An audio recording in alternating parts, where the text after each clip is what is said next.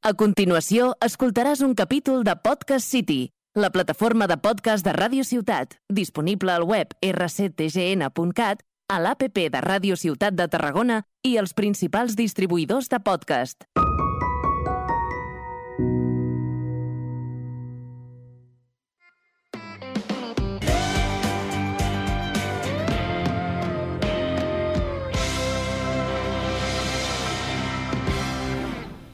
Muy buenas y bienvenidos al segundo programa de Un pedazo de cielo.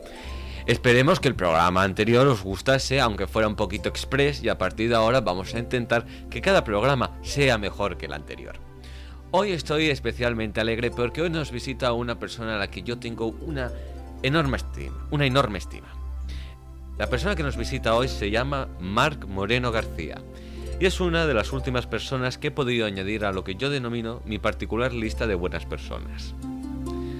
Él fue un niño muy feliz, jamás le faltó de nada, ni a nivel psíquico ni material. Nunca tuvo una afición en particular, pero aquel niño era muy feliz cada vez que veía los coches, los coches de los protagonistas de la película Cars, por ejemplo, entre otras cosas. Hoy me visita en este pedazo de cielo una de las personas que siempre ocurra lo que ocurra, llevaré grabada en mi corazón y mi memoria. Un tipo que me ha demostrado que vale mucho no lo siguiente.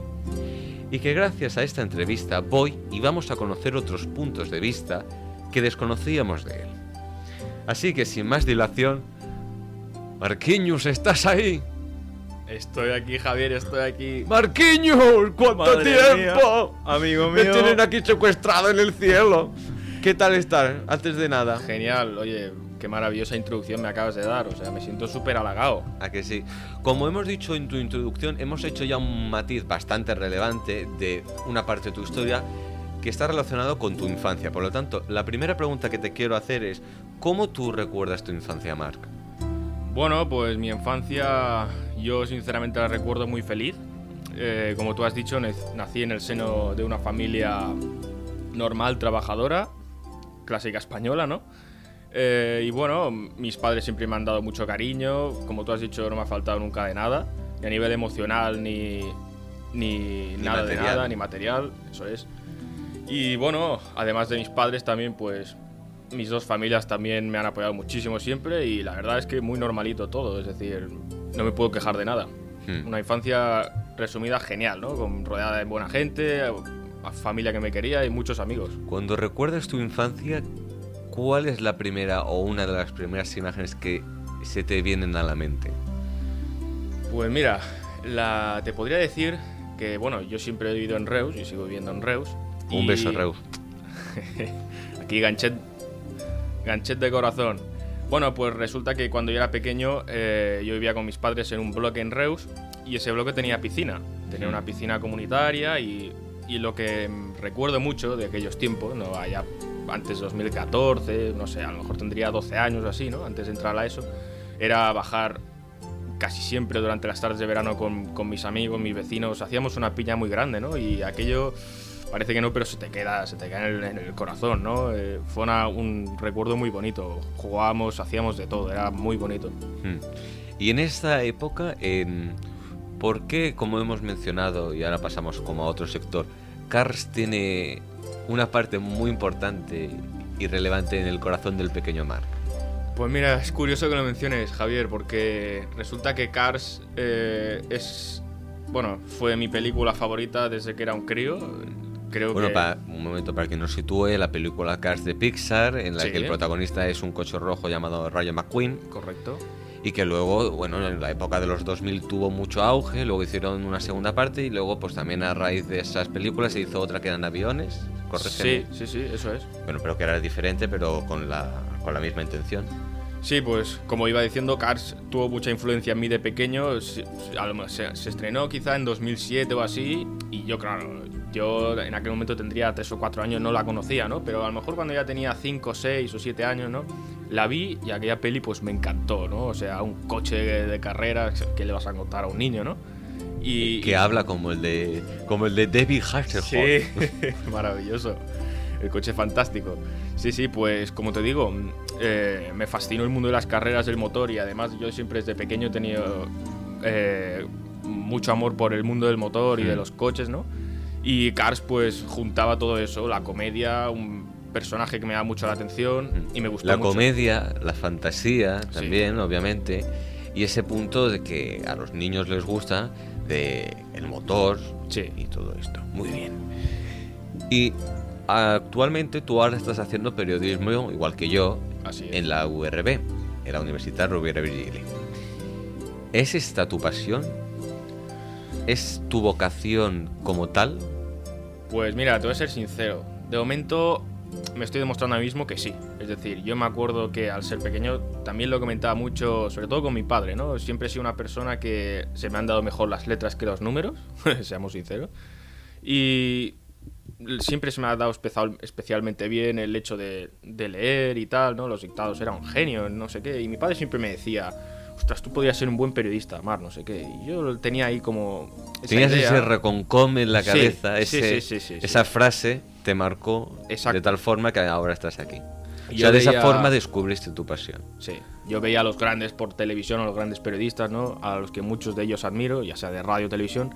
Yo pensaba, ostras, este mundo me gusta, me atrapa, ¿no? Hmm. Y sí, sí, inicié periodismo, que bueno, cómo lo inicié podría estarme aquí dos sesiones, pero Sí, pero tenemos el tipo que tenemos, ¿eh? estamos limitados. Exactamente. Mira, te quería hacer otra, te quería plantear otra cuestión. Tú eres un gran fanático de la música. Sí, Te sí, sí. considerarías una persona, podríamos decir, melómana, que Sí. le encanta. Bueno, yo te quería preguntar que nos hablaras de tu vinculación con la música. Me alegra, me alegra que me preguntes esto, amigo mío.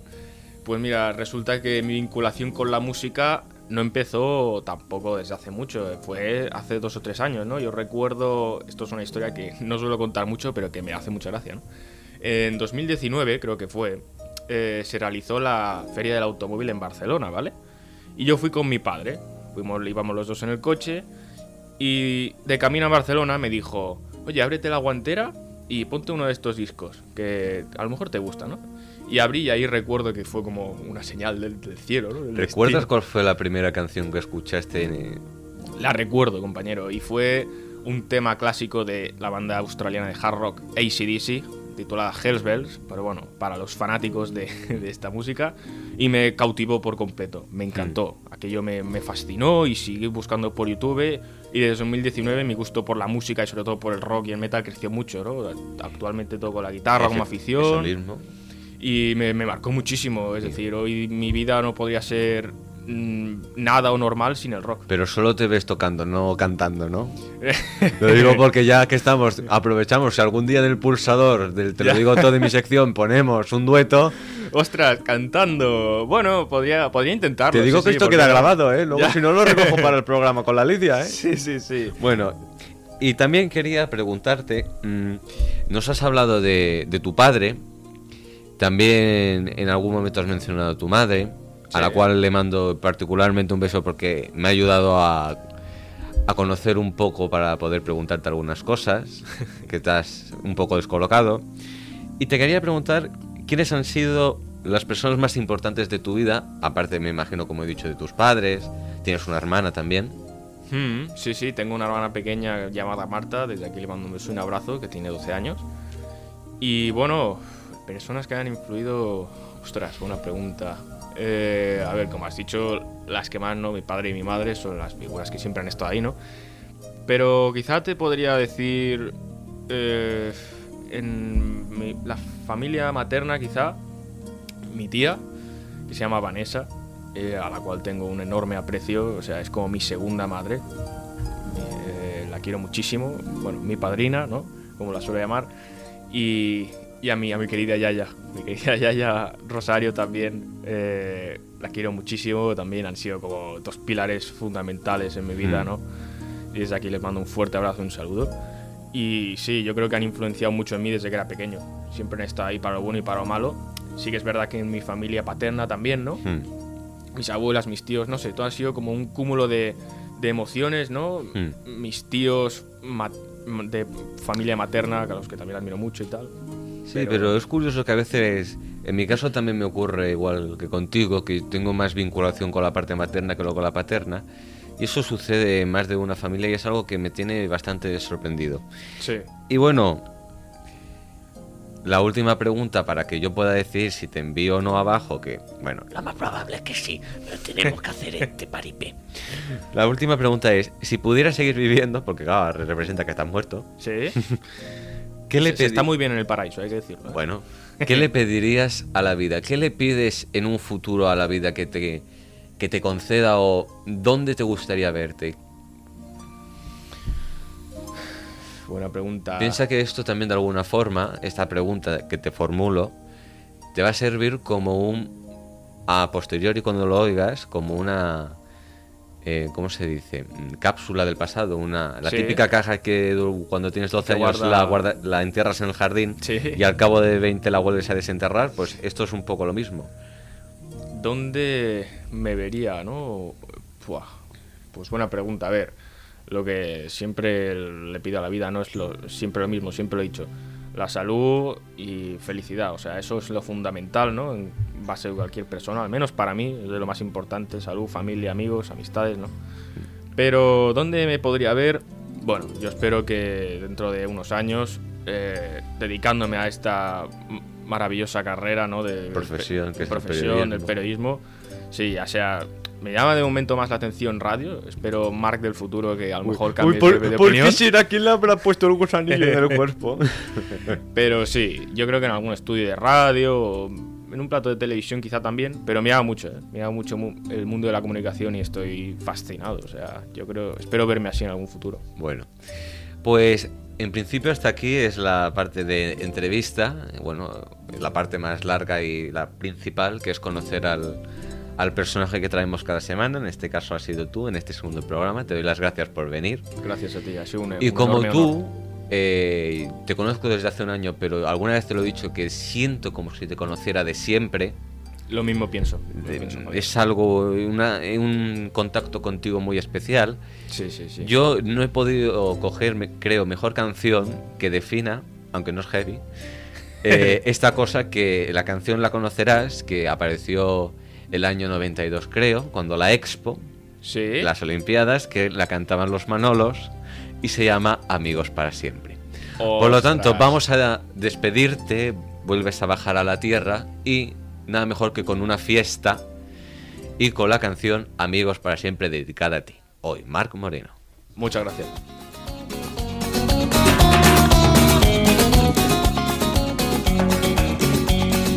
Yo no necesito conversar, porque adivino que ya sabes cómo soy. Tú me has conocido siempre. Tú, cuando me miras, puedes ver dentro de mí lo que ni yo puedo entender. Yo te he conocido siempre. Amigos para siempre nuestro canto de amistad. Amigos para siempre ser amigos de verdad. Nada ni nadie nuestro lazo romperá. Amigos para siempre. Te siento cerca si estás le- lejos de mí. Solo teniéndote a mi lado soy feliz. Y en todo tiempo donde podrás oír amigos para siempre. Ven, no queda tanto por vivir. Buenos momentos que podemos compartir. Ya solo sé vivir contigo. Amigos para siempre nuestro canto de amistad. Amigos para siempre ser amigos de verdad. Nada ni nadie en nuestro lazo romperá. Amigos para siempre. Te siento cerca si es que estás lejos de mí. Solo teniéndote a mi lado soy feliz. Y en todo tiempo donde estás podrás oír. Amigos para siempre. Amigos para siempre. Yo no necesito conversar, amigos para siempre, porque a mi lado siempre estáis, amigos para siempre. Nai, nairo, nairo, nairo, nairo, nairo, na. Na, nairo, nairo, nairo, nairo, nairo, na. Na, no, nairo, nairo, na. Amigos para siempre.